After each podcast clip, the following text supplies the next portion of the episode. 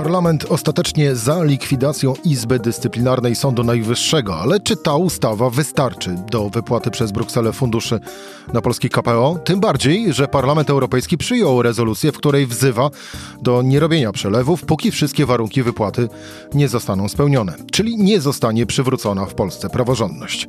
Dziś gościem będzie Anna Słojewska, korespondentka Rzeczpospolitej w Brukseli. Rzecz w tym, że taki był dzień. Cezary Szymanek, zapraszam na codzienny podcast Rzeczpospolitej. Dzień 9 czerwca, czwartek, przenosimy się do Brukseli. Anna Słojewska, dzień dobry. Dzień dobry. Aniu, e, to wpierw przypomnienie, co się wydarzyło e, dziś popołudniem, e, dziś, czyli w czwartek w Warszawie. Oto posłowie zajmowali się ustawą o likwidacji Izby Dyscyplinarnej Sądu Najwyższego, która z Senatu wróciła z poprawkami. No i Posłowie owe poprawki senatorów odrzucili, ale ustawa została więc przyjęta w formie e, pierwotnej, zaakceptowanej przez obóz e, rządzący. E, co do zasady, faktycznie Izbę Dyscyplinarną Sądu Najwyższego likwiduje. W jej miejsce powstanie nowa. Pytanie proste, które już właściwie wybrzmiało na samym początku.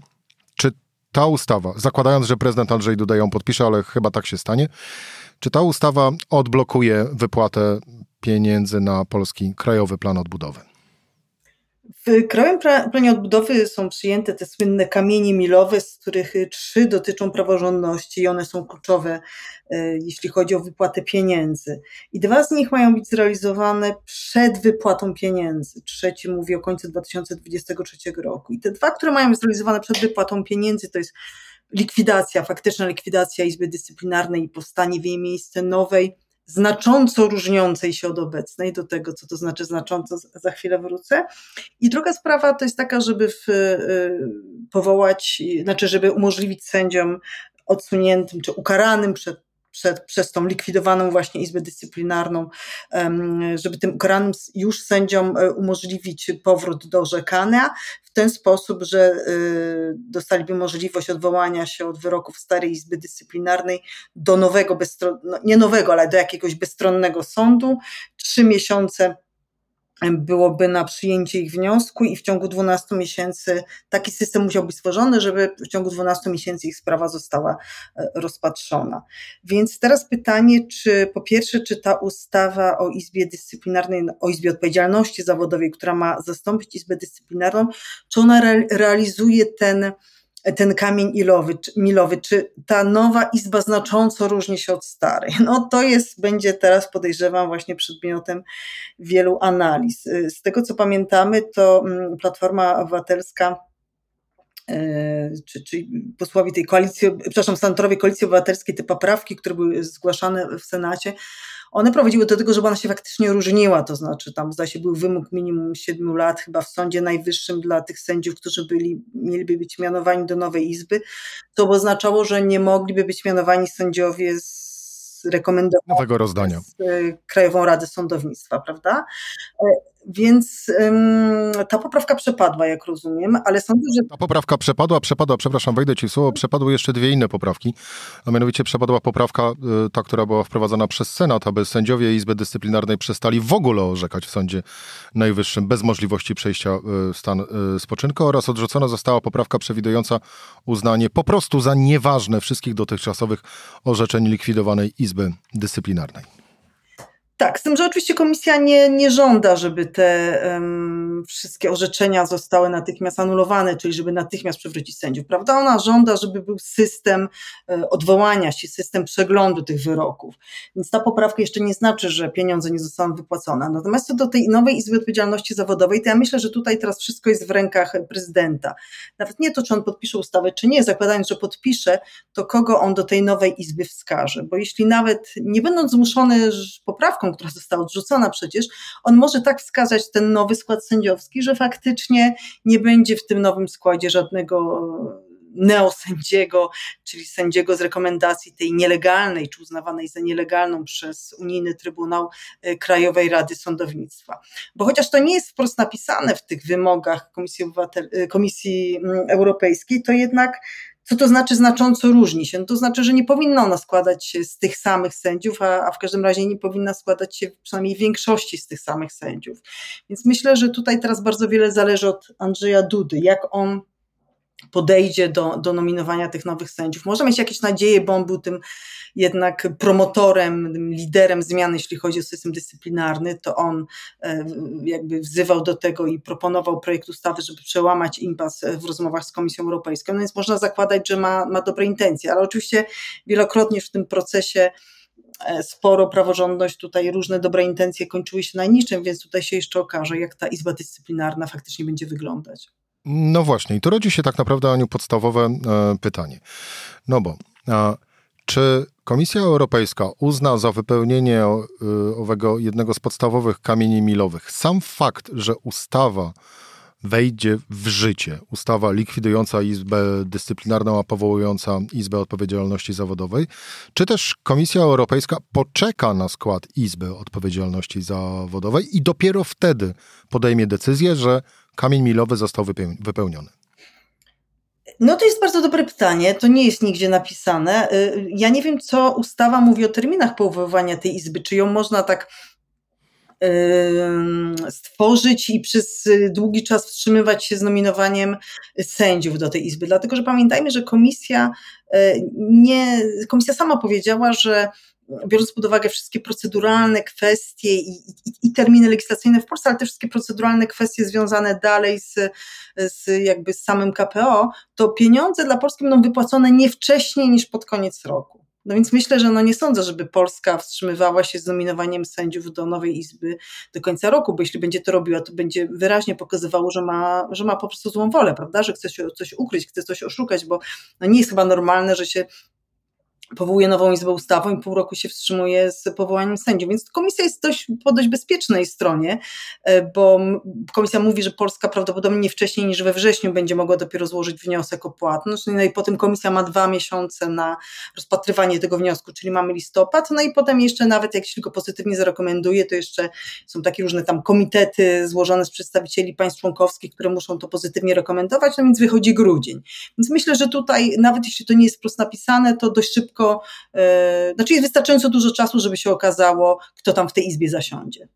Ale też, jeżeli właśnie do grudnia e, nie będzie owych e, nominacji, to wtedy o tym grudniowym potencjalnym terminie wypłat można będzie zapomnieć. Jest takie prawdopodobieństwo. No myślę, że tak, no bo jeśli jest napisane w kamieniu milowym, że nowa izba znacząco ma się różnić od starej, no to dopóki nie będzie w niej żadnych członków, no to w ogóle nie będziemy mogli powiedzieć, czy ona się różni, czy nie, prawda? Tymczasem e, dziś również przed głosowaniem e, w polskim parlamencie, to z kolei Parlament e, Europejski przyjął rezolucję, w której wzywa, nie jest to obowiązujący akt prawny, ale przyjął rezolucję, w której wzywa, aby nie wypłacać Polsce środków na Krajowy Plan Odbudowy, jeżeli właśnie nie zostaną wypełnione owe kamienie milowe, a szczególnie i przede wszystkim ten dotyczący praworządności. Ale cofnijmy się o kilka dni, e, bo to był początek tygodnia, kiedy e, Parlament Europejski pokazał, że ma kompletnie inne zdanie niż Ursula von der Leyen, szefowa Komisji Europejskiej w kontekście polskiego KPO, bo gdyby to Parlament Europejski miał robić, no to Parlament Europejski by owego KPO Polsce e, nie przyznał, czyli właściwie nie zgodziłby się na jego, jego akceptację. Skąd ten rozdźwięk między Komisją Europejską a Parlamentem Europejskim? Czysto polityczna kwestia? Europejski właściwie od początku tych sporów o praworządność był, był bardziej radykalny niż Komisja i to jest taka na, naturalna naturalne zachowanie dla tej instytucji zawsze w tych wszystkich sporach dotyczących, y, nazwijmy to ogólnie wartości, czy to czy demokracji, czy praworządności, czy często praw człowieka.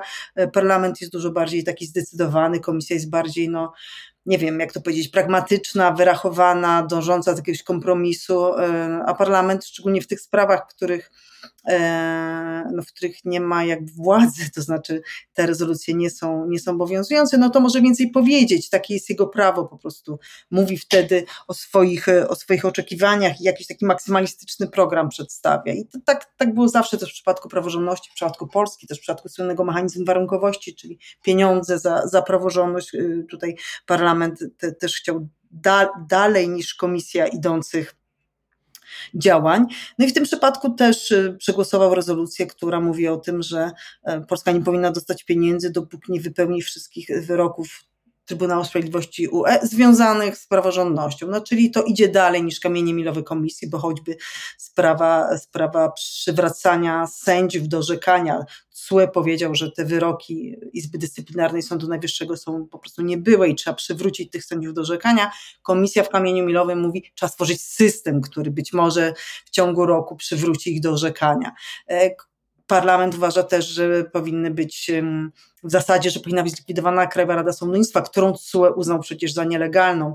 E, parlamentowi nie podoba się też wyrok mm, Trybunału Konstytucyjnego z zeszłego roku, który kwestionuje wyższość prawa Unii nad, nad prawem krajowym. Komisja nic o tym w kamieniach milowych nie mówi, znaczy sama, samej komisji też oczywiście ten wyrok e, TK się nie podoba, ale nie uważa, że akurat e, od, od tej sprawy powinno się jakoś uzależniać wypłacanie Polsce pieniędzy z KPO. Tak jak powiedziałeś, to nie jest, to nie jest rezolucja jakby wiążąca, natomiast ona oczywiście jest, jest takim instrumentem presji, który myślę będzie odgrywał rolę w momencie, gdy dojdzie już do decyzji o wypłacaniu pieniędzy. No właśnie elementem, właściwie instrumentem presji. Presji bardziej na kogo? Na Polskę czy na szefową Komisji Europejskiej? Bo e, gdy debatowano o tym w Parlamencie Europejskim w tym tygodniu, no to na Ursulę von der Leyen posypała się dosyć ostra krytyka za to, że zgodziła się na KPO e, dla Polski. E, tam nawet pojawiały się głosy o tym, że jeżeli będzie taka potrzeba, to zostanie złożony wniosek o, o odwołanie Ursuli von der Leyen z owej, z owej funkcji. No więc jest to presja bardziej na Komisję Europejską, czy bardziej na Polskę? Ten wniosek o odwołanie, on nie znalazł się w tej rezolucji mimo, mimo propozycji zielonych i to raczej było wiadomo z góry, że, że to chodzi bardziej o nagłośnienie sprawy niż faktycznie o to, żeby von der Leyen za to odwoływać. Znaczy myślę, że to chodzi jednak o presję na komisję i na von der Leyen, bo chyba parlament zdaje sobie sprawę z tego, że na Polskę to on żadnej presji nie, nie wywrze, to znaczy wywrze presję, że pośrednio wywiera presję, e, angażując się w cały proces grożenia Polsce, że bez wykonania różnych wyroków Trybunału Sprawiedliwości UE nie dostanie pieniędzy, no więc w tym sensie oczywiście ma jakiś tam wpływ. Natomiast już ta mm, konkretna rezolucja to jest, to jest bezpośrednio presja na komisję, ale która ma też pokazać Polsce, no, żeby jednak uważała, że to nie jest tak, że jak KPO, już, KPO jest y, rekomendowany i, i lada tydzień, bo 17 czerwca ministrowie finansów UE powinni go zaakceptować już formalnie, że to nie znaczy jeszcze, że okej, okay, no to możemy w takim razie teraz wszystko w Polsce wrócić do że tak powiem, i robić wszystko po staremu. Nie, no, że ta presja ma być, przynajmniej parlament tego żąda i ma nadzieję, że tak będzie, ma być cały czas utrzymywane i te pieniądze, e, zanim te pieniądze zostaną wypłacone, to komisja musi bardzo dokładnie sprawdzić, jak te kamienie milowe zostaną wypełnione. Ursula von der Leyen przejmie się tą rezolucją? Czy Ursula von der Leyen przejmie się, dlatego że komisja ma wiele interesów z Parlamentem Europejskim. Nawet jeśli jakaś poszczególna rezolucja nie jest wiążąca, to jest mnóstwo, mnóstwo spraw, w których um, Parlament Europejski jest tak, tak zwanym kolegislatorem, czyli po prostu razem z Radą Unii Europejskiej stanowi prawo. I jeśli, e, jeśli von der Leyen będzie w jakiś otwarty konflikt z Parlamentem wchodziła, e, no to oczywiście ryzykuje swoje osłabienie w jakichś innych konfliktach z parlamentem. To znaczy, ja nie sądzę, żeby znaczy niemożliwe jest, bo po prostu nie ma tak, tego w KPO, więc niemożliwe jest realizowanie rezolucji, tej rezolucji parlamentarnej przez Komisję Europejską w wersji maksymalistycznej. To znaczy niemożliwe jest niewypłacanie pieniędzy Polsce pod pretekstem tego, że, e, że Polska nie zlikwiduje na przykład Krajowej Rady Sądownictwa, czego wydawałoby się żąda parlament. Natomiast na pewno komisja będzie się czuła zobligowana do tego, żeby no przynajmniej bardzo dokładnie sprawdzić, czy te jej kamienie milowe, te, te, te, te nawet zdaniem parlamentu mniej ambitne, ale jednak daleko idące bardzo kamienie milowe, czy przynajmniej te kamienie milowe Polska rzeczywiście wypełnia, czy też po prostu, no nie wiem, bawi się w kotka i myszkę i jednego dnia coś tam uchwala, a drugiego dnia zwleka z powołaniem sędziów albo pozwala sędziom odsuniętym od orzekania składać wnioski o przegląd tej decyzji, a potem te sądy, nie wiem, zwlekają czy, czy wydają decyzje negatywne. To, na to na pewno komisja będzie patrzyła, nie tylko na samo to, jak ustawa wygląda, ale jak w praktyce te wszystkie procesy się odbywają. Załóżmy, że y, wszystko pójdzie zgodnie z planem, przynajmniej planem Komisji Europejskiej i z naszymi życzeniami, aby tak y, właśnie było. To wtedy w grudniu ile może y, euro trafić do Polski? Ta pierwsza rata to było bodajże 4,5 miliarda przepraszam, 4,2 miliarda euro. E, no i potem kolejna rata to byłoby 4,5 miliarda euro i następna 7,2 miliarda euro. E, I komisja, e, zasada jest taka, że takie raty są dwa razy w roku. No czyli zakładam, że jeśli w grudniu byłaby, czy w listopadzie akceptacja, no to w tym roku już by była tylko jedna rata, te 4, 4 i, I 2. No a potem kolejna rata w 2023 roku. No to jeszcze jedno pytanie, trochę techniczne, ale też bardzo, e, bardzo ważne. Jeżeli pomiędzy terminami wypłat kolejnych rat, czyli na przykład pomiędzy pierwszą a drugą, e, dojdzie do naruszeń na polu chociażby właśnie praworządności, to co wtedy? Jeśli w jakimkolwiek momencie Polska. Polska y, jakby zacznie, czyli załóżmy, że do grudnia Polska spełni te dwa kamienie milowe, prawda, będzie, będzie funkcjonująca Izba Odpowiedzialności Zawodowej, znacząco różniąca się od likwidowanej Izby Dyscyplinarnej i będzie funkcjonował system odwoływania się. I Polska dostanie 4,2 miliarda euro, a kilka miesięcy później coś tam, nie wiem, Polska zmieni znów w tym systemie dyscyplinarnym albo okaże się, że te wnioski sędziów o odwoływanie się, o przegląd decyzji w ogóle nie są rozpatrywane, to komisja w każdym momencie momencie może wstrzymać wypłatę każdej kolejnej raty. A może zażądać... wystąpić o zwrot poprzednich pieniędzy, ale sama komisja przyznaje, że to jest bardzo skomplikowane, że teoretycznie jest to możliwe, ale w praktyce jest to bardzo skomplikowane, więc tak naprawdę jej głównym instrumentem nacisku jest wstrzymywanie się z kolejnymi wypłatami. I przeciąganie zapewne ich e, w czasie, e, tak aby rzeczywiście cały system, cały system e, działał. Anna Słojewska, korespondentka Rzeczpospolitej w Brukseli. Aniu, dziękuję Ci bardzo za rozmowę. Dziękuję bardzo. To była Rzecz w tym w czwartek. Cezary Szymanek do usłyszenia e, po weekendzie.